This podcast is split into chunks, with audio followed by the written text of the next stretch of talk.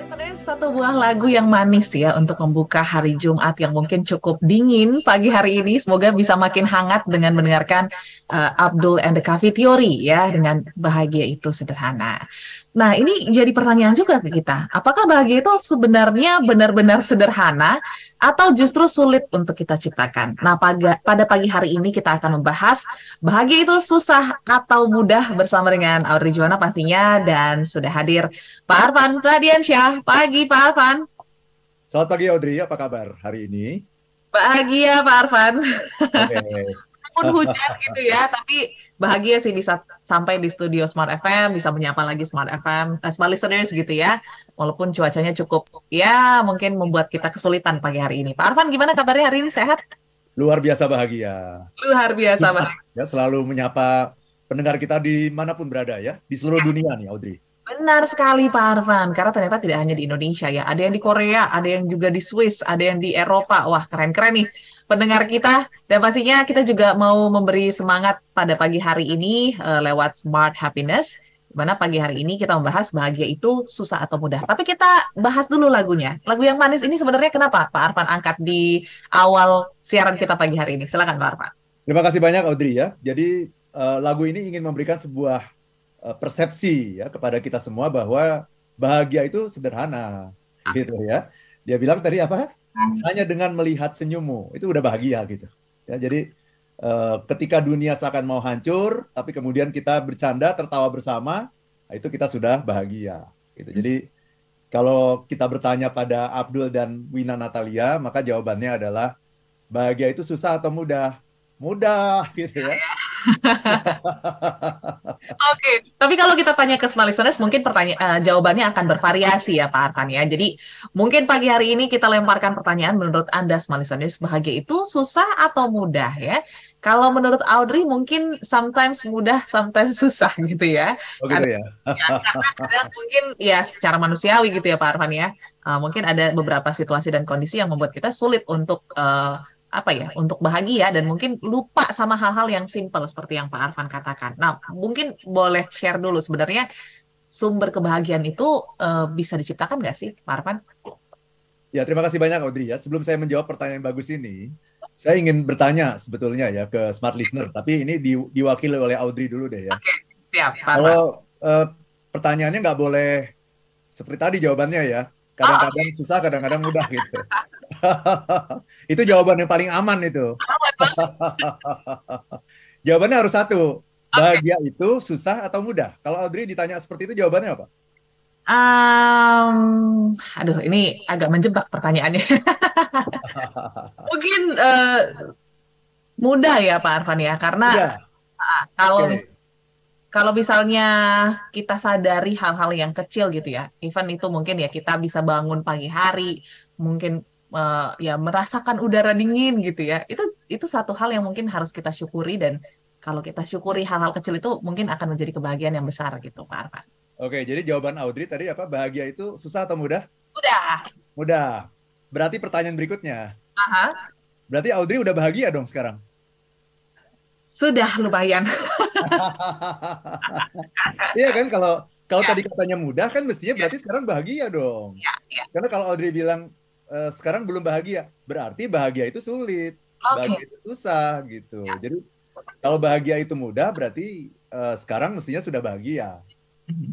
Nah orang-orang yang mengatakan bahagia itu mudah, tetapi ketika saya tanya, terus sekarang udah bahagia belum? Belum. Berarti sebetulnya eh, bahagia itu mudah itu hanyalah sebuah teori. Okay. Dalam prakteknya bahagia itu susah gitu. Itu Audrey. Mhm. Oke, okay. ini juga mungkin menjadi pertanyaan reflektif juga ya ke small listeners ya. Susah atau mudah, terus baru ditanyain lagi. Kira-kira sekarang sudah bahagia atau belum? Mungkin kita jadi bertanya ulang gitu ya. Eh iya, iya. atau mudah ya? Tadi katanya mudah, begitu ditanya sudah bahagia belum sekarang? Belum. Uh... Berarti susah. Oke, okay, makanya kita hari ini bahas ya Pak Arfan ya. Sebenarnya bahagia itu susah atau mudah. So mungkin kita balik lagi. Uh, bagaimana sih sebenarnya kita bisa apa ya menilai atau melihat sebuah kebahagiaan dalam hidup apakah memang uh, apa ya harus hal-hal yang fancy yang mewah terus juga mungkin hal-hal yang besar gitu ya jalan-jalan ke Eropa baru saya bahagia Pak Arfan Saya Ya. bisa menjadi manajer, baru saya bahagia. Itu seperti apa sebenarnya Pak Arfan? Nah, kalau gitu saya akan tanya lagi kepada Audrey. Oke. Mewakili smart listener nih ya. Yes, ya, ya. Ya, mudah-mudahan terwakili nih oleh Audrey ya. Oke. Eh, apa sih yang membuat Audrey bahagia itu apa sih? Boleh nggak disebutkan? Apa saja? Oke. Kalau aku eh, bisa sehat, Pak Arfan, Sehat, oke. Juga. Iya, oke, bisa masih berada di lingkungan yang positif ya. di lingkungan yang positif. Tiga, Tiga, dengar musik. Aku bahagia banget dengar. musik. Empat, Empat, kalau ketemu orang tua, karena aku kan anak rantau nih. oh, oke. Sama keluarga, mereka sehat-sehat, itu aku bahagia. Lima, Ah, apa lagi ya? Eh, mungkin bisa hmm, ketemu Pak Arfan pagi hari ini juga bahagia. oke. Oke, ada lima. Enam, Banyak ya? ada lagi nggak yang membuat Audrey bahagia ya? Aku bahagia ketika diapresiasi, Pak Arfan. Diapresiasi. Ya. Oke. Sudah enam, tujuh. Enam, tujuh, eh, aku bahagia ketika makan enak, aku bahagia. Makan enak, tujuh. Delapan, Delapan, gajian bahagia. gajian. Sembilan, Sembilan, aku bahagia kalau apa ya? Hmm, bisa me time mungkin? oke. Jadi kalau bisa me time bahagia, kalau enggak enggak bahagia kan? Iya juga ya, jadi pertanyaan. Iya. Karena saya saya mencatat tadi Au- Audrey dari awal tadi Aha. dari nomor satu itu mengatakan kalau kalau Oh, seperti iya. ini bahagia, kalau bisa eh, gajian bahagia, Yes. kalau dapat apresiasi dari atasan bahagia. Iya. Berarti kalau tidak kan Iya. kalau itu kan sebuah kondisi kan. Iya, Kalau kondisi itu tidak dicapai berarti tidak bahagia. tidak bahagia dan yang bisa menentukan apakah atasan memberikan memberikan apresiasi atau tidak siapa? Ya, kita sendiri, Pak Arfan. Bukannya atasan. Iya, atasan ya. Tapi kalau kita tidak melakukan yang baik juga, rasanya nggak akan men-trigger mereka bisa memberikan apresiasi seperti itu. Tapi bisa nggak eh, kita sudah melakukan yang baik tapi atasan nggak memberikan apresiasi? Bisa, bisa. Out of Berarti kalau- control kita ya. Berarti mengurangi kebahagiaan dong. Seharusnya tidak. Oke. nah itu maksud saya Audrey Iya, ya. Jadi kan saya tanya tuh ya dan smart listener pasti juga mengikuti Audrey dengan eh, masalahnya masing-masing gitu ya Yes. dengan eh, yang terjadi di setiap orang itu kan ber- berbeda-beda. Tapi yang ingin saya katakan adalah semakin panjang daftar kita, Oke. semakin susahlah kita bahagia. Ah, Benar nggak begitu? benar-benar. Ya kan? Kalau kalau misalnya saya mengatakan saya bahagia kalau saya pagi ini masih hidup, ya, saya bisa makan enak dan tidur nyenyak. Itu aja. Gampang nggak? Bahagia itu mudah nggak? Simple banget. Mudah, iya. Tapi ketika kita mengatakan saya bahagia kalau saya dapat apresiasi dari atasan, saya bahagia kalau saya punya penghasilan yang besar, saya bahagia kalau punya rumah, punya mobil, punya pasangan yang setia, punya rezeki yang berlimpah. Semakin banyak daftar kebahagiaan Anda, maka bahagia itu menjadi sesuatu yang susah. Oke. Itu Audrey. Terus sampai situ ya, Pak Arfan ya.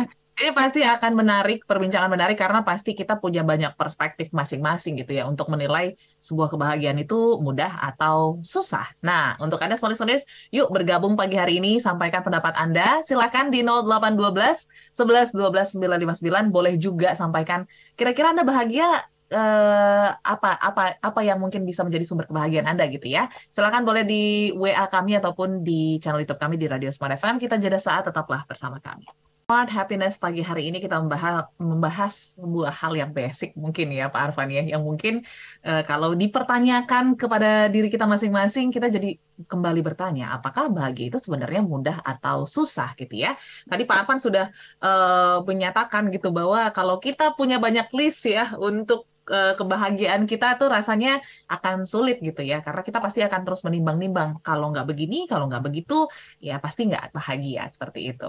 Nah bicara tentang eh, bahagia gitu Pak Arfan eh, pada pagi hari ini eh, mungkin banyak ya yang merasa kurang bahagia gitu ya karena mungkin pagi-pagi terus hujan harus masuk pagi wah ini kan menjadi beban juga ya. Nah hal-hal sesepele itu tuh kadang bisa mengurangi kebahagiaan kita. Nah sebenarnya seperti apa? Eh, kita harus melihat hal-hal yang mungkin bisa berdampak ya eh, terhadap kebahagiaan kita setiap harinya gitu Pak Arfan. Terima kasih banyak Audrey ya. Jadi kebahagiaan kita itu sering kali adalah kebahagiaan kalau gitu. Oke. Okay. Iya kan tadi ya, bahagia kalau dapat apresiasi dari atasan. Hmm. Berarti kita menempatkan kebahagiaan kita itu pada atasan kita. Beda ya kalau misalnya Audrey tadi mengatakan begini. Saya bahagia uh, kalau saya uh, bisa berkontribusi dan bekerja dengan penuh sukacita bekerja dengan uh, melayani dengan sepenuh hati gitu. Nah itu kan kontrolnya ada di tangan Audrey sendiri. Iya ya kan? Jadi Audrey lah yang bisa menentukan apakah Audrey mau bahagia atau tidak. Tetapi kalau Audrey mengatakan tadi, saya bahagia kalau dapat apresiasi dari atasan. Mhm. Jangan salah, kita sudah bekerja yang baik sekalipun sesuai dengan keinginan atasan, belum tentu loh atasan memberikan apresiasi. Iya, iya, iya. Jadi ada banyak sekali variabel gitu yang akhirnya menentukan kebahagiaan kita gitu. Kebahagiaan kita bukan ada di tangan kita, tapi ada di tangan atasan kita gitu.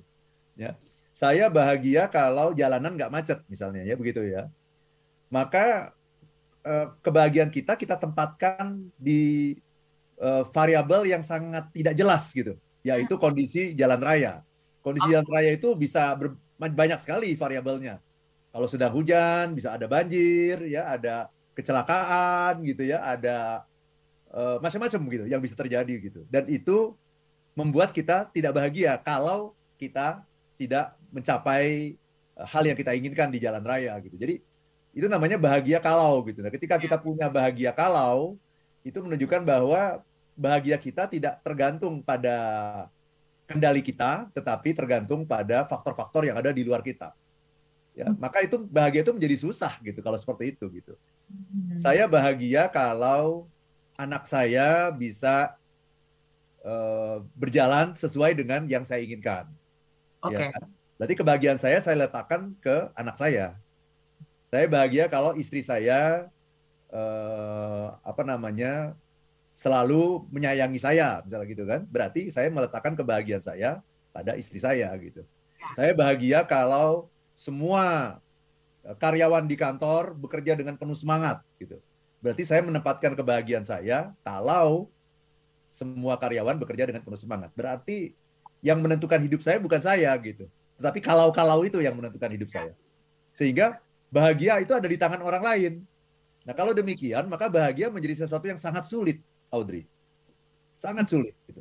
Karena kita tidak pernah tahu eh, apakah keinginan kita itu cocok dengan keinginan orang lain gitu. Itu Audrey. Oke. Nah, eee, bicara lagi ya Pak Arfan, tadi kan ada apa ya, statement bahwa ya kita jangan menggantungkan kebahagiaan kepada orang lain gitu ya. Berarti kita juga harus paham ya konsep bahwa ada hal-hal yang tidak bisa kita kontrol, ada hal-hal yang bisa kita kontrol. Ini gimana dengan statement ini Pak Arfan? Betul sekali gitu. Jadi, bahagia itu menjadi lebih mudah hmm. kalau kita, eee, berpegang pada hal-hal yang ada dalam kendali kita. Okay. Itu namanya hal-hal yang controllable. Yes. Seperti tadi, kalau apresiasi dari atasan itu uncontrollable. Mm-hmm. Sehingga bahagia menjadi sulit. Tapi yeah. saya bahagia kalau saya bekerja dengan sepenuh hati. Nah, itu kan kontrolnya ada di tangan Audrey. Hmm. Ada di tangan kita semua. Sehingga bahagia menjadi lebih mudah karena ada dalam kendali kita gitu. Yes. Itu Audrey. Saya bahagia uh, kalau saya bisa bangun pagi dan bisa bernafas misalnya gitu. Hmm. Itu kan semuanya ada di diri kita, bukan di diri orang lain gitu. Hmm. Itu ada. Jadi itu sangat menentukan sekali ada controllable, ada uncontrollable. Bahagia itu menjadi mudah kalau kita menggantungkan diri pada hal-hal yang bersifat controllable. Dan bahagia itu menjadi susah kalau kita menggantungkan diri pada hal-hal yang di luar kendali kita. Ya, oke. Ini di sini sampai sini mungkin semua sudah mulai paham gitu ya dengan konsep kebahagiaan. Tetapi eh, seperti yang disampaikan Pak Arfan sebelumnya gitu ya, bahwa mungkin kebahagiaan ini juga harus kita apa ya? Kita katakan, kita ucapkan gitu sehingga eh, akan mungkin kita maknai gitu. Nah, ini harus nggak sih Pak Arfan kita punya kalau misalnya standar sendiri gitu ya. Kalau saya bahagia, eh, saya berarti eh, apa ya? Kayak tadi bekerja dengan sukacita dan lain sebagainya. Nah, ini harus diartikan dengan dalamkah sehingga kita juga bisa apa ya, mendapatkan kebahagiaan tersebut atau justru mengalir aja. Karena kan banyak dari kita ya let it flow aja deh Pak Arfan, nanti pasti ada bahagianya ketemu gitu. Gimana tuh Pak Arfan? Ya, ketika kita uh, let it flow itu tergantung ya. Let it flow itu bisa bagus, bisa juga jelek gitu. Oke. Okay. Karena uh, kebahagiaan itu sesungguhnya adalah keputusan kita gitu. Hmm, ya. Jadi kalau let it flow, kalau kita membiarkan itu kayak air mengalir, akhirnya nanti kita akan ketemu sama hal-hal yang membuat kita tidak bahagia gitu. Oke. Okay. Gitu. Jadi uh, kebahagiaan misalnya kita bangun pagi, kita mau berangkat ke kantor gitu ya Kemudian biarlah berjalan ya, let it flow gitu ya. Tahu-tahu kita ketemu kemacetan di jalan. Tahu-tahu yeah. mobil kita diserempet sama kendaraan lain gitu ya, sama sepeda motor misalnya. Tahu-tahu, nah ada banyak tahu-tahunya itu. Okay. Tahu-tahu begini, tahu-tahu begitu, yang mengurangi kebahagiaan kita. Yeah. Maka sebetulnya bahagia itu jangan let it flow. Uh-huh. Tetapi bahagia itu adalah sesuatu yang kita putuskan. Kita putuskan.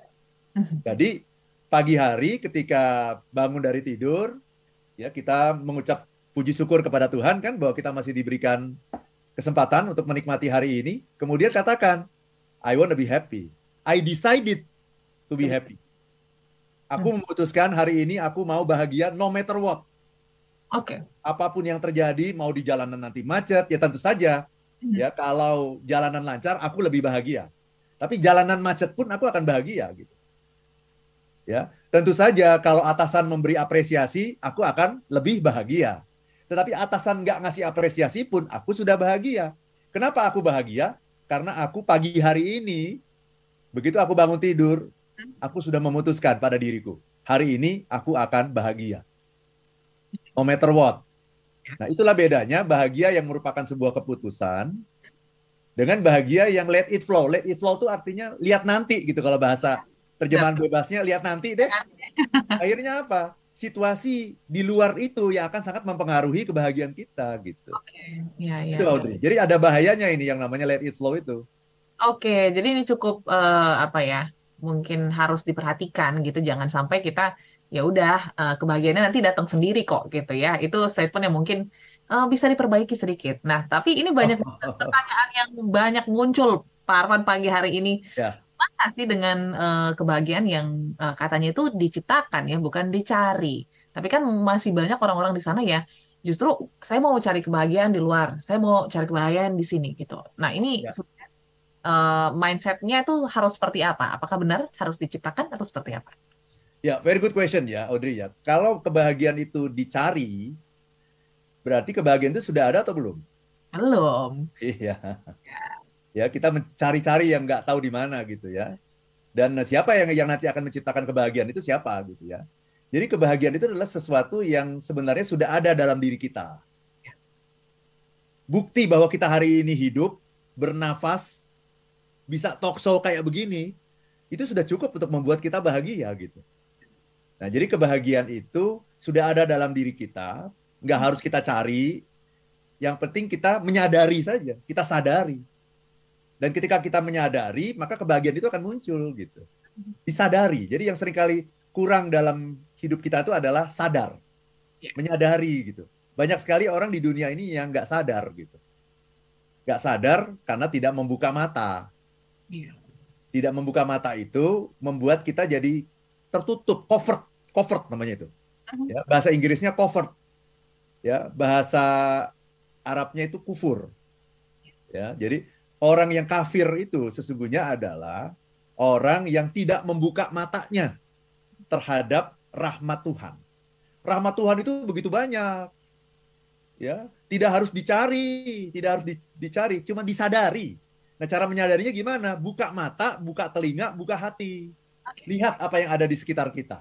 Itu aja sudah membuat kita bahagia karena kita bersyukur. Nah, orang yang terputus koneksinya dengan Tuhan, terputus koneksinya dengan Allah, itu adalah orang yang matanya tertutup.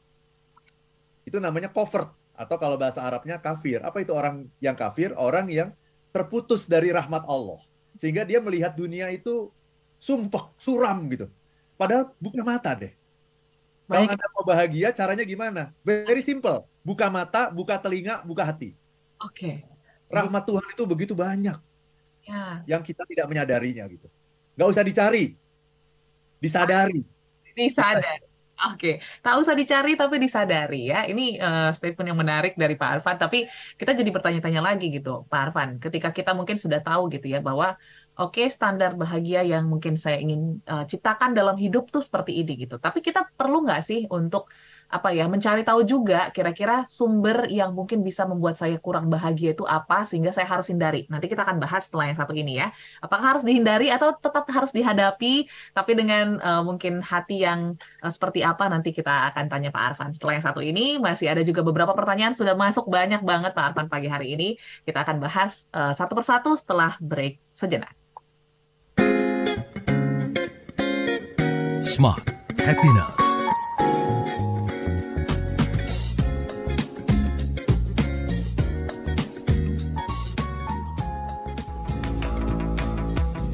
Berbagai strategi disiapkan untuk menang di tahun 2023. Tapi ada satu hal yang sering terlupakan, happiness.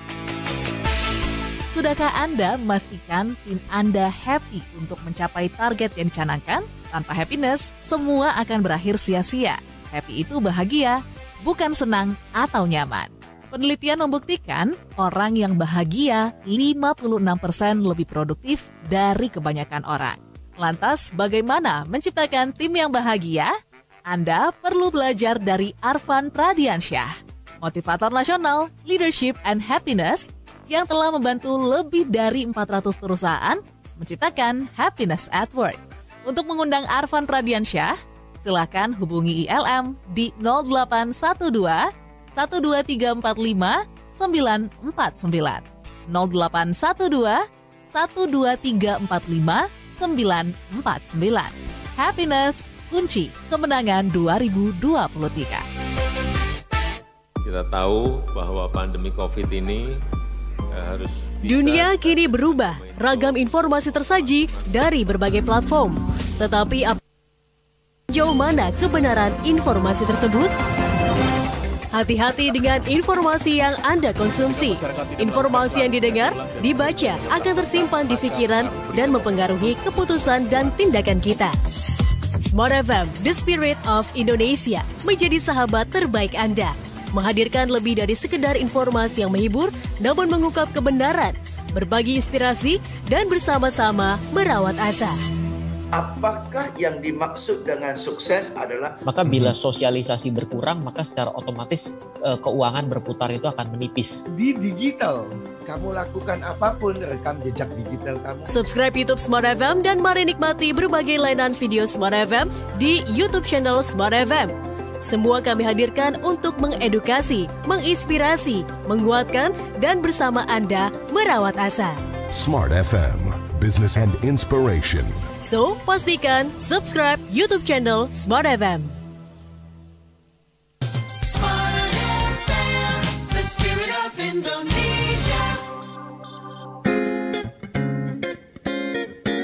Kembali Anda ikuti Smart Happiness bersama Arvan Pradiansa.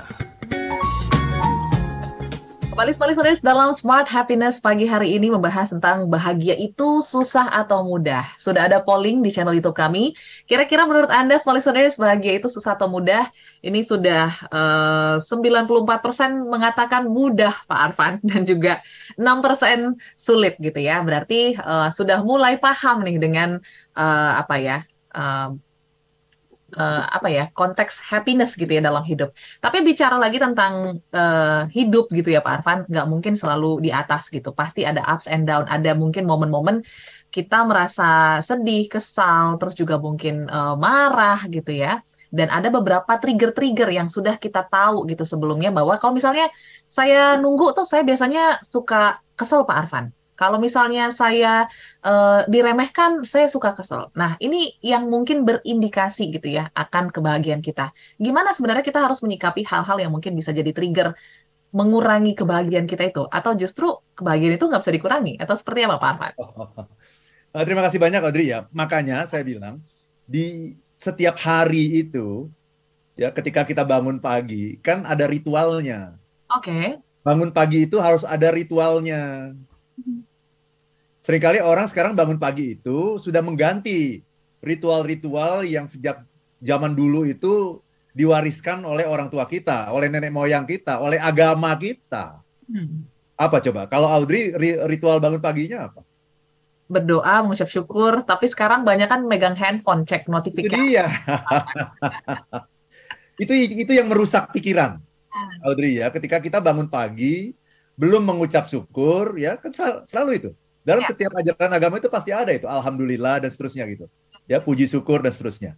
Kita belum melakukan itu, tahu-tahu udah langsung begitu bangun, melek langsung ambil handphone. Mhm. Langsung lihat ini postingan saya yang likes udah berapa? Ya, Ya kan, oh semalam sebelum tidur saya eh, posting nih di Instagram nih, berapa yang likes gitu. Langsung lihat nih gitu. Jadi itu merusak semua hari kita gitu, Audrey. Jadi hidup yang benar itu, hidup yang bahagia itu selalu dimulai ketika bangun tidur, ucapkan syukur. Itu udah basic banget itu. ya, ya. Apa pun ajaran agama kita itu selalu ada itu. Ya, ajaran bahwa ketika kita bangun, alhamdulillah ada doanya itu. Ya, ada doanya itu, ya. Kemudian apa? Nah, kalau sudah selesai, ya, Anda mulai buka mata, ya kan? Hadiah terindah yang diberikan oleh Tuhan kepada kita setiap hari itu ada dua. Mhm. Ada dua yang harus kita buka. Apa itu? Mata. Dua mata itu. Buka mata kemudian buka telinga, dengarkan apa yang ada di sekitar kita, ya, buka hati, kemudian katakan apa? Today I decided to be happy. Oke. Happiness itu adalah sebuah keputusan gitu. Kenapa? Kenapa itu perlu? Kalimat itu perlu kenapa? Hari ini aku memutuskan untuk bahagia. Kenapa perlu? Karena aku tahu hari ini aku akan mengalami banyak sekali tantangan dalam hidup. Aku tahu itu. Nanti aku akan berangkat dan tantangan itu dimulai ketika kita keluar dari rumah saja udah mendapat banyak tantangan. Keluar dari rumah, kemudian menghadapi kemacetan di jalan, banyak sekali tantangan. Ya. Ketika kita sampai kantor, apakah tantangan itu sudah selesai? Belum, baru mulai lagi tantangan yang baru lagi. Masih kecil itu ya. Ya, menghadapi eh, atasan yang demanding, Oke. menghadapi customer yang selalu menuntut, ya, Hmm. yang banyak sekali maunya. Ya. Tapi bagaimana? Uang dia yang bayar kita kok, Ya. gitu ya. Terus sampai sore, sampai pulang ke rumah lagi. Maka tantangan yang begitu besar itu tidak akan pernah bisa kita hadapi kalau kita tidak punya kekuatan mental, kekuatan mindset. Dan mindset itu bisa diciptakan dari pagi dengan mengatakan apa? Saya memutuskan hari ini, apa pun kondisinya, bagaimanapun beratnya tantangan, I decided to be happy. Mhm. Sehingga nanti ketika kita mengalami banyak cobaan dalam hari itu, kita selalu ingat di pagi hari itu kita mengatakan I wanna be happy. I wanna be happy. Ya, tambahkan misalnya kalau Anda suka melakukan meditasi. Saya adalah orang yang eh, suka melakukan meditasi. Meditasi pagi itu nggak usah panjang-panjang, lima menit aja cukup. Lima menit aja cukup. Kalau saya habis sholat subuh gitu, Audrey pagi-pagi, habis sholat subuh, jangan langsung buru-buru pergi. Ya, setelah selesai sholat berdoa, meditasi lima menit. Oke. Dan lima menit itu saja akan membuat hari saya itu menjadi tercerahkan gitu. Oke. Ada sebuah ketenangan, Audrey, tapi ketenangannya itu adalah ketenangan yang dinamis, Oke. bukan ketenangan yang statis. Ke- Ketenangan itu juga ada dua. Ada ketenangan yang dinamis, ada ketenangan yang statis. Nah, yang kita butuhkan pada saat kita liburan itu adalah ketenangan yang yang pasif, yang statis gitu. Hmm. Karena namanya juga namanya juga orang liburan kan, mau berjemur di pantai, mau leye-leye, ngobrol-ngobrol sama keluarga, itu namanya orang liburan. Kita butuh ketenangan yang pasif, ketenangan yang lebih statis sifatnya. Tetapi kalau di kantor, kita butuh ketenangan yang dinamis. Tenang tapi aktif bekerja menghadapi berbagai tantangan, tapi kita tenang. Kenapa? Karena saya sudah menciptakan sistem mekanisme di dalam diri saya itu pagi hari. Oke. Ketika bangun, mengucap syukur, berdoa, kemudian I decided to be happy. Lanjutkan meditasi. Setelah itu baru buka handphone. Ya, baru. buka Instagram. Iya. Udah tenang dulu, jangan Ya, belum ya, apa-apa, baru bangun masih kan kalau yang namanya bangun kan belum sepenuhnya sadar ya. Gitu. Benar. Kita sudah mengisi kesadaran kita dengan eh, Instagram, dengan WA group, dengan sosial media. Mhm. Ya, itu menjadi landasan yang kurang kokoh bagi kita untuk menjalani hari itu dengan tenang tapi penuh semangat gitu. Oke. Itu Audrey. Ya, karena kalau misalnya kita lihat juga sosial media dan juga mungkin WA group, uh, pagi-pagi kita udah lihat berita-berita yang negatif, rasanya akan membawa hari kita juga kurang semangat gitu ya Pak Arfan ya. Ketakutan, ya. khawatiran, jadi uh, akan menutupi kebahagiaan kita begitu ya. Betul sekali, ya. Uh, okay. Nah, ini uh, kembali lagi gitu ke topik tentang kebahagiaan ya. Bicara tentang kebahagiaan, ini juga semua listener sudah banyak sekali yang respon Pak Arfan. Ini mungkin kita harus mulai bacakan karena banyak.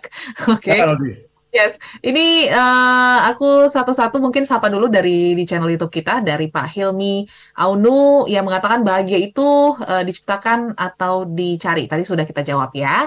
Dan uh, ada yang bertanya juga nih Pak Arfan, Pak Faisal Malai. Uh, menurut saya bahagia itu bagaimana kita mensyukuri apa yang telah diberikan Allah katanya ya. Terus ada lagi uh, Pak Sandi Huang kalau saya rasakan bahagia itu tidak bisa ditentukan, Pak Arfan. Malah kalau ditentukan tidak berjalan sesuai dengan yang ditentukan, malah tidak happy. Nah ini gimana statement ini? Ya berarti Anda, ya jelas saja Anda tidak menentukan sih. Hmm, oke. Okay. Iya kan? Kalau Anda tidak menentukan, Anda akan sangat tergantung pada stimulus. Ya. Contoh, Audrey mau pergi ke mana? Misalnya ke toko. Oke. Okay. Mau, be mau beli apa? Aku mau beli sayur-sayuran mungkin. Mungkin apa udah pasti? Oh, pasti, pasti. udah. Itu Audrey mengatakan mau beli sayur-sayuran itu ya. sesudah Audrey pergi ke toko atau sebelumnya? Harusnya sebelum. Iya dong. Ya. Iya, itulah yang namanya memutuskan kita harus happy sebelum dong. Karena kalau sesudah nih, Audrey pergi, pergi ke toko nggak tahu mau beli apa, salah satunya sayur-sayuran, apa yang akan terjadi ketika sampai toko? Lupa bukan hanya lupa, Audrey akan membeli hal-hal yang teralihkan namanya. Audrey tidak inginkan sebetulnya, tapi ketika sampai di toko ada banyak sekali stimulus. Iya kan? Taunya ada, oh ini kayaknya menarik nih makanan ini. Tadinya cuma mau beli sayuran, tapi akhirnya beli makanan. Nanti ada lagi beli apa lagi, cemilan-cemilan. Ada banyak sekali nanti minuman yang sebenarnya nggak diperlukan. Jadi itulah itulah orang yang tidak mau menentukan. Orang yang tidak mau menentukan itu akan sangat tergantung dari kondisi di lapangan. Nanti dia lihat nanti aja. Itu hasilnya. Akhirnya kita mendapatkan sesuatu yang tidak kita cari. Oke, okay, ya. Jadi ini... harus kita harus harus mengatakan hari ini I wanna be happy. I wanna be happy karena happiness itu tergantung dari apa yang ada di dalam diriku. Jadi kalau kita sudah memutuskan, sudah memutuskan beli sayuran, hmm. apa pun yang kita temui di lapangan nanti, ya itu cuma stimulus saja. Wong saya sudah memutuskan untuk beli sayuran kok. itu Audrey.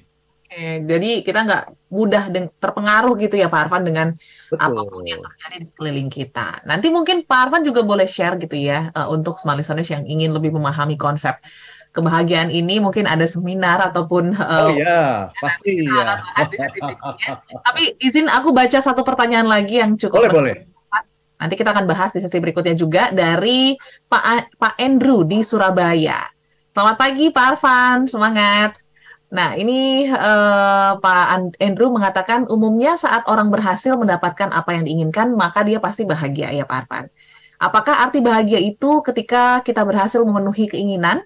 Jika iya, maka apa apakah bahagia itu faktor dependen yang bergantung pada keinginan yang terpenuhi tadi? Nanti kita akan bahas ya, apakah ini tambahan kebahagiaan atau justru sumber kebahagiaan. Kita akan break sejenak, pastikan Anda tetap simak dan juga berkomentar ataupun sharing di 0812 11 12 959 atau di live chat YouTube kami. Kami jeda.